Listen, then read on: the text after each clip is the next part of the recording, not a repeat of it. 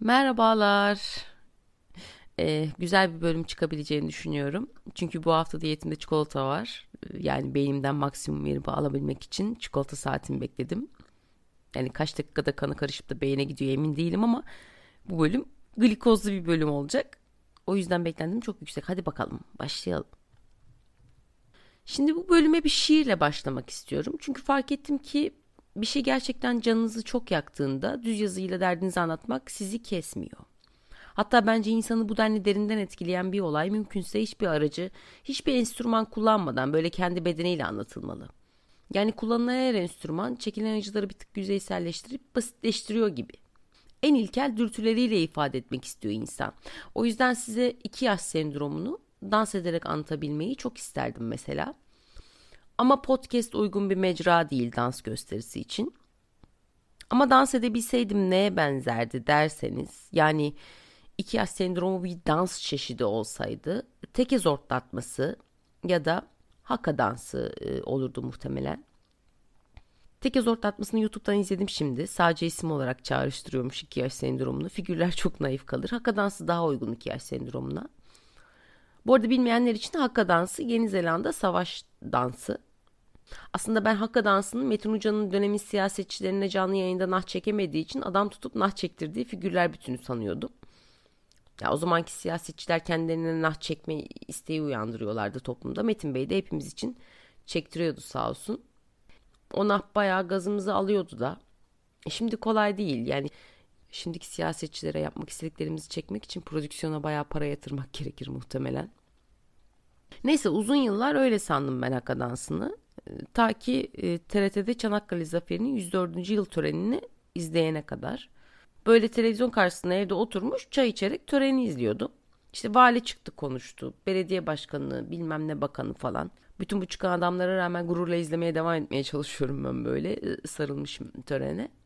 E sonra birden Yeni Zelandalı komutanlar anons edildi. İşte sırayla sahneye çıktılar. Böyle kadınlı erkekli bütün sahneye dizildiler. Sonra bu Yeni Zelandalı komutanlar Çanakkale'de, Conk Bayırı'nda bütün protokole karşı haka dansı yaptılar. Ya orada anladım ki haka dansı gerçekmiş. Yani amma töreni için çok fazla nah ihtiva eden bir dans ama adamların yerel dansı ne yapacaksın? Bu arada bu görüntüleri bilmeyenler için Instagram hesabıma koyacağım. Yani çünkü performansla gerçekten çok iyi. Bir tek sağ üstteki abla biraz bozuyor. Tahmin ediyorum ki reglisine birkaç gün var. Ha memelerine böyle hakkını vererek vuramıyor ama olsun. Sonra düşündüm yani bu insanlar 104 yıl önce gene Conk Bayırı'nda bizim askere karşı aynı dansı yaptılarsa çok şaşırmamak lazım Çanakkale Zaferi'ne. Çünkü karşındakinin delirtici bir dans hakikaten ya ölüyü diriltir hakka dansı. E, trafikte mesela bana öyle olmuştu bir kere. Adamın teki böyle trafikte bana nah çekti. Başıma bir şey gelir mi diye düşünmeden yarın yokmuş gibi gidip suratına yapıştırmıştım adamın. Yani anzaklar karşına geçmiş topluca nah çekiyor sana. Hem de anzaklar yani. Aç mıyım susuz muyum diye düşünmeden saldırırsın anzaklara. Hiç beklemediğim biri nah çekince daha çok etkili oluyor çünkü. Kılıçdaroğlu'nun yarım yamalak nahı bile delirtti bütün AKP'lileri. Neyse işte dans edemeyeceğim için şiir yazdım ben iki yaş sendromuna. Ama önce bir dakika bir, bir şey ayarlamam lazım. Evet başlıyorum. Şiirimin adı Anamı Ağlattın iki yaş sendromu.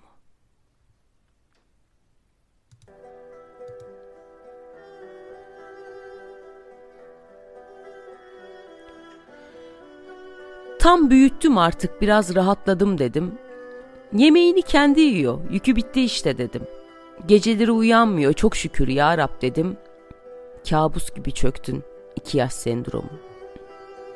Duvarlar çizilmiş pastel boyayla, halılar bulanmış oyun hamuruna. Perdelerin hepsi inmiş aşağı, yevmiyemi ver bari iki yaş sendromu. Uykuşlar gelmiş dedim kendini yere attın. Çikolata yasak dedim kafanı duvara çaldın. Brokoliyi sevmezdin. Brokoli diye ağladın. Bülent Ersoy'u geçtin. İki yaş sendromu. Pepa aç dedin artık illallah deyip açtım. Daha Pepa açılmadan Boss Baby'yi görüp bağırdın. Netflix donunca arabanı televizyona fırlattın. Fiber internet seni kesmiyor. İki yaş sendromu. Atta gidelim diyorum. Hatta yok diyorsun. E parka gidelim diyorum. Anne gitsin diyorsun. Eve kaydıra kaldım. Buzdolabına tırmanıyorsun. Everest yanında kasis kalır. İki yaş sendromu. Ne emzirmeye ne sütten kesmeye benziyorsun. Sinirleri sen var ya bir başka yıpratıyorsun. İtiraf et Pfizer'dan yüzde kaç alıyorsun? Anamı ağlattın. İki yaş sendromu. Şimdi bir dakikalık saygı duruşu. İki yaşında çocuğu olan anneler için.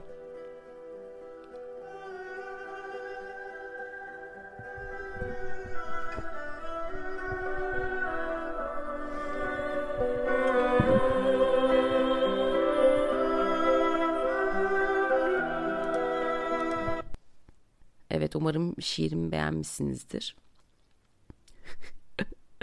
ya yanlış anlamayın aranızda iki yaşın altında çocuğu olan ya da böyle hamile olanlar falan varsa sizi korkutmak için yazmadım ben bu şiiri yani. Ben öyle tiplere kıl oluyordum çünkü mesela benim bebek 40 günlükken 6 aylık bebeği olan anneler bunlara iyi günlerin hareketlensin gör diyordu. İşte 6 aylıkken 1,5 yaşında çocuğu olanlar işte böyle bunlara iyi günlerin yürüsün gör diyordu. 1,5 yaşındayken 2 yaşında çocuğu olanlar işte bir şey yapsın konuşsun sen gör falan diyorlardı. Yani arkadaşlar bakın benim için hep işler daha kolaylaştı. Yani çocuk kendi kontrolünü eline aldıkça daha az korunmaya muhtaç oldu. Ee, ben daha çok rahatladım açıkçası. Yani zamanla her şey daha kolay oluyor. Merak etmeyin. Yani zorluk derecesini böyle zamanla azalan bir grafik gibi düşünebilirsiniz. Evet iki yaş döneminde o grafik biraz dalgalanıyor ama uzun vadede zorluk azalıyor yani merak etmeyin. Ama yalan da söyleyemem. Yani sinir krizleri geçirecek misiniz? Geçireceksiniz. Tabii ki çocuğunuzun karşısında değil. Hani bazı inatlaşma sessionlarında böyle çocukla dakikalarca cebel, cebelleşiyorsunuz. Ve o cebelleşme sırasında böyle çocuğun psikolojisi etkilenmesin diye ses tonunuzu ya da ifadenizi değiştirmeden böyle bir kilo botoks enjekte etmişler gibi çocukla tartışmaya aynı sırıtan surat ifadesiyle girip aynı ifadeyle çıkmayı da başarabiliyorsunuz. Annesiniz çünkü siz. Yani mesela işte hayır anneciğim yumurtayı kafanda kıramazsın. Olmaz anneciğim fırının içine saklanılmaz. Anneciğim dondurmayı kulağına yiyemezsin derken sakin kalmayı başarıyorsunuz.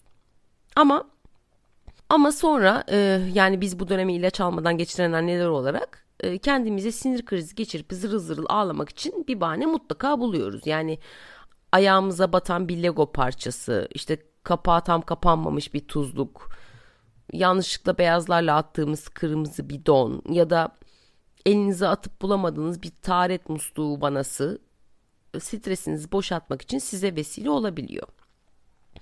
Evet, taharet musluğu da olabiliyor. Yani yurt dışında yaşıyorsanız taharet musluğu vanası da bu anlamda size yardımcı e, olabiliyor. En azından bana oldu e, bir kere. Yani şimdi şöyle oldu. Şimdi ben evde çocukla yalnızken tuvalete girince mecbur kapıyı kilitlemiyorum başına bir şey gelir diye. Hani böyle kapı ardına kadar açık bir şekilde ihtiyacımı gideriyorum. İşte gene bir gün tuvaletteyim. Çok affedersiniz bağırsaklarımla da ilgili bir problemim var o gün zor durumdayım yani. Ve duyuyorum geliyor yani pıt pıt pıt pıt adımlarla yaklaşıyor böyle. Allah dedim geliyor sıçtık. Ha bir gayret dedim gelmeden gerçekten de sıçar mıyım? Ikındım böyle. E, olmadı çıkmadı. E tabi ben böyle kıpkırmızı oldum. Anımda böyle boncuk boncuk terler falan. Neyse bu girdi banyoya. Elinde de oyun hamuru. Diyor ki kokuli. Ya çünkü çocuklarda empati yok. Hani annemin alnında ter var, suratı kırmızı. Annemin bir sıkıntısı olabilir, rahatsız etmeyeyim falan. Bunlar henüz yok. Ya bunlar onun ben merkezcil hayatında dikkat edilecek detaylar değil. E, ben de şey zannettim kukuli açmamı istiyor sandım. Dedim ki anneciğim kukuli açamam şimdi e, dedim.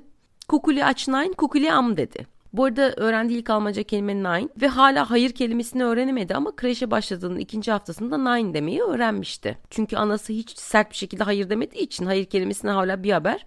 Ama Almanlar iki haftada öğrettiler nine yavruma. O da ayrı bir konu. Neyse işte kukuli aç nine, kukuli am dedi. Bu arada bilmeyenler için am hamur demek ama Almanca'da değil Arlatça'da. Yani meğer oyun hamurundan kukuli yapmamı istiyormuş. Ben dedim ki anneciğim kukuliam nasıl yapayım olmaz kukuliam. Yapılmaz ki dedim. Ben el deyince kukuliam diyerek yer elinde tuttu arabasını suratıma fırlattı. Arlat yapsın kukuliamı anne nine dedim. Anne kukuliam Arda nine dedi karşılığında. Yani anne yapsın Arlat yapmasın demek istiyor. Evet doğru duydunuz. Adını Arlat koymak için çektiğim onca eziyete rağmen çocuğum kendisine Arda diyor.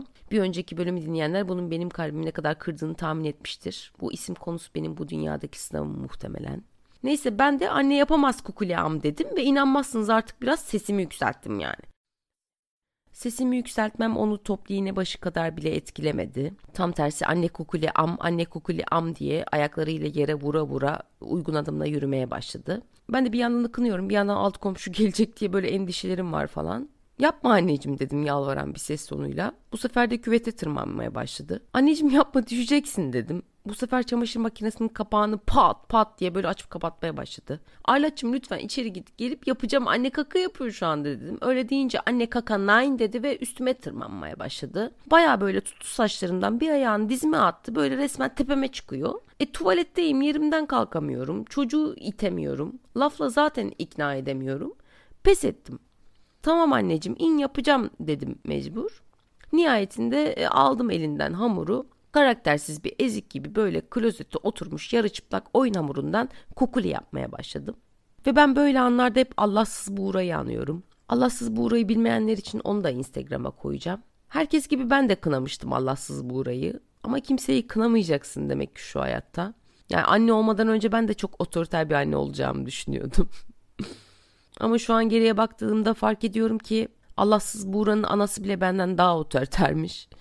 Yani ben o kadar otoritesizim ki Allahsız Buğra'nın anası görse bana annelik hakkında nasihatler verir. Bu kadar da taviz verilmez çocuğa der. Ne biçim çocuk yetiştiriyorsun falan der yani. Ben ben öyle bir anneyim. Neyse oyun hamurundan kukuli yapamadım tabi. Yani kukuli gördünüz mü bilmiyorum da ciguli yapmak daha kolay oyun hamurundan. Ya Ciguli'nin en azından karakteristik özellikleri var. Şapkası var, gözleri yeşil. Bak Kukuli'de o da yok. Ama Allah'tan o yaştaki çocuklar bir şeyi kendinizden yeterince emin söylerseniz inanıyorlar. Oyun hamuruyla böyle yalandan bir iki dakika uğraştıktan sonra aa bak Kukuli dedim. Önce şaşkın şaşkın suratıma baktı. Aa ne güzel Kukuli dedim. Ben Kukuli'yim, ben Kukuli'yim diye şarkı söylettim bir daha oyun hamuruna. Gülümsemeye başladı. Aldı elimden oyun hamurunu üstünden indi. Am Kukuli, am Kukuli diye dans ederek banyoyu terk etti. O yavaşça uzaklaşırken ben son bir ıkınmayla kakamı nihayet bitirdim. Ve o dalgınlıkla Almanya'da olduğumu unutup 40 yıllık refleksle elimi sağ arka tarafı doğru attım. Ve elimi atmamla hıçkırarak ağlamaya başlamam bir oldu. Evet taharet musluğu yok diye üzülen tek Almancı değilim belki ama taharet musluğu yok diye zırıl zırıl ağlayan ilk Almancıyım diye düşünüyorum. Ama Almanya'da olmanın faydaları da yok değil. Yani çok az Türk'ün olduğu bir yerde oturduğumuz için çocuğa böyle sevgimin kabardığı anlarda mesela kreşten almaya gittiğimde falan özgürce sevebiliyorum. Canım istediği gibi insanlar yanımdayken de ya böyle oy anasının kuzusu senin götünü yerim. Oş yavrum benim bolişini yerim. Oy bolişini koparım seni anasını yerim. Kurban olduğum falan diyebiliyorum toplum içinde. Ya Türkiye'de olsam toplum içinde bunu yapamazdım penis kıskançlığı sendromunun dışa vurumu olarak değerlendirebilecek insanlarla takılıyorum çünkü. Halbuki ben sadece oğlan doğurduğum için hava atıyorum. Bu arada bilmeyenler için boliş erkek çocuk cinsel organı demek ama Erzincan yöresine özel bir tabirmiş. Yani pipi gibi ama Erzincan'a has. Ben bütün Türkiye bolişin ne olduğunu biliyor sanıyordum. Böyle çocuk doğduktan sonra anladım. Yani gene böyle çocuğu bollişini yediğimini falan diye severken evde eşim bolliş ne deyince nasıl yani bilmiyorsun falan diye google'ladık. Bir baktım Erzincan az bir şeymiş yani. Ama Erzincan'ın bollişi meşhur gibi bir şey demek değil. Yani tulum gibi değil. Yani bollişi Erzincan'da yiyeceksin gibi bir şeyden bahsetmiyorum tabii. Evet yavaş yavaş konuşmaya başladı kereta. Yani zaten dediklerimi anlamaya çok erken başlamıştı yani somut kavramların hepsini anlıyordu mesela ama soyut kavramlar geç oturuyor tabii. İşte anne gelmiş, baba gelmiş deyince anlıyor ama uykuşlar gelmiş deyince anlamıyordu. Ya da uyumak istemediği için anlamamazlığa vuruyordu bilmiyorum. Aa uykuşlar gelmiş diyordum. Uykuşlar kim amına koyayım dermiş gibi böyle arkasına bakıyordu. Bir de şey var böyle uzun süre nesnelerin çıkardığı sesleri onların isimleri sandı. Aslında hala öyle sanıyor. Vazgeçiremedik ondan. Yani ben bir şeyi başta nasıl öğrettiysem öyle kaldı. Mesela işte kedinin adını miyav sanıyor. Ördeği vak vak sanıyor. Aslında çocuğun suçu yok. Mallık bende. Düzeltmeye çalıştık ama düzeltmedi. Sonra vazgeçti düzeltmekten. Çünkü gülüyoruz, eğleniyoruz. Sefil hayatımıza bir neşe geliyor. Ya mesela itfaiye aracının adını Nani Nani sanıyordu. Oynarken de böyle nani nani diye sürüyordu. Yani hem nani nani diye sürüyor hem adını da nani nani sanıyor. Bir gün hatta ben itfaiye aracını o traktörü aldı böyle. Ben nani nani diye itfaiye aracını sürdüm. Sıra ona gelince traktörü eline aldı ve traktör traktör traktör traktör diye sürmeye başladı. Çok güldük çok eğlendik yani baya komik olmuştu. Hatta işim o kadar gülünce pırtladı. Bir de ona güldük. Ama sonra ben derin düşüncelere daldım. Yani insanlar da bu traktör gibi aslında kim olduklarını bağırarak dolaşsalar sokaklarda neler değişirdi falan diye. Yani mesela Barış osuruklu, osuruklu, osuruklu diye yürüse yine de evlenir miydim? Ben mesela kıllı, kıllı, kıllı diye dolaşsam Barış benle evlenir miydi? Bilmiyorum. Ama evlenirdik herhalde ya. Yani ne olacak bir osuruktan, bir kıldan. Galiba büyük ölçekte de pek değişen bir şey olmazdı. Yani Tayyip Erdoğan ülkeyi batıracağım diye dolaşsa ya da Kılıçdaroğlu Nurculardan o istedim o yüzden tarikat yurtları kapatılsın diyemedim diye siren taktırsa bile alacakları oylarda çok büyük dalgalanmalar olmazdı muhtemelen. Birçok şey değişmezdi yani bence. Hatta belki hiçbir şey değişmezdi. Sadece Murat Başoğlu'nun kariyeri. Yani herkesin kim olduğunu istemsizce haykırdığı bir Türkiye'de tek eksiğimiz Murat Başoğlu'nu tanımamak olurdu. Çünkü sokaklarda ensest, ensest, ensest, ensest diye gezen birinin herhangi bir TV kanalında sunuculuk yaptırmazlardı muhtemelen. Ama annelik sizi bir sevgi yumağı haline getirdiği için en umulmadık kişiye bile empati beslemeyi başarıyorsunuz. Yani mesela sırf cinsiyetçi laflarından ötürü bile hani yıllarca kin duyacağım bir insan olduğu için Cumhurbaşkanına empati besleyeceğimi hiç düşünmemiştim. Ya özellikle kadın mıdır kız mıdır lafı mesela hani zoruma gitmişti bayağı açıkçası. Ve yüz yıl gıcık olmama yeterdi ama annelik yolunda empati duymayı öğreniyorsunuz. İster istemez annelik size öğretiyor. Yani mesela en basitinden hayatınıza hiç neredeyse hiç çiftlik hayvanı görmemiş olmanıza rağmen çocuğunuza çiftlik hayvanlarını öğretmek istiyorsunuz. Ve gidip bunun için bir kitap alıyorsunuz. Sonra eve gelince kitabın sadece resimli olduğunu, içinde yazı olmadığını fark ediyorsunuz. Ama yılmıyorsunuz. Ve büyük oranda da hakikaten başarılı oluyorsunuz. İlk sayfada işte bu at, bu tay diye öğretebiliyorsunuz çocuğa ilk sayfadakileri. Boyut farkı var çünkü. Sonra bir sonraki sayfayı açıyorsunuz. Bu tavuk, bu civciv. Renk farkı var çünkü neyin ne olduğu belli. Ama sonra sayfayı bir çeviriyorsunuz ve karşınızda gördüğünüz şey koyun mudur, kuzu mudur bilmiyorsunuz. Yani hangisi koyun, hangisi kuzu, bu kuzu mu, koyun mu? Yani kuzunun ne tüyleri daha parlak, ne gözlerin daha canlı anlaşılmıyor. Yani o sayfaya gelince aklımda hep aynı soru. Acaba bu kuzuya belli bir yaşa gelince mi koyun deniyor? Yoksa koyun demem için cinsel bir münasebet mi yaşaması gerekiyor? Yani hangi noktadan sonra koyun diyeceğim ben buna bilmem lazım. Çocuğuma da öğreteceğim çünkü. O yüzden empati duyuyorum Cumhurbaşkanımızın en azından kadın mıdır kız mıdır lafına. Ve bu sadece Cumhurbaşkanımızın problemi de değil. Çoğu zaman karşı cins de emin olamadığı için bizden sokulmuyor. Yani tabii çocuğunuz yoksa yani. O nedenle hazır korona bitmemişken nasıl yazın turistler için bir çare buldularsa gene maskeyle bu soru işaretine bir son vermek gerekir. Yani maskenin üzerine böyle enjoy I am not virgin olabilir ya da bendensin de olabilir. Çünkü bir kere seviştiksek herkese sevişmemiz lazım diye düşünülüyor genel olarak toplumda. Neyse bölümün sonuna geldik. Ama ben bir önceki bölümde söz vermeme rağmen ofansif mizah tutkumun sebebini anlatmaya e, vakit bulamadım. Daha doğrusu başka şeyler araya girdi. Ama onu da anlatacağım. Bir sonraki bölüm. Söz. Bu sefer gerçek ciddi söz. Ana sözü. Öyle bir şey varsa tabii. Öpüyorum. Hoşçakalın.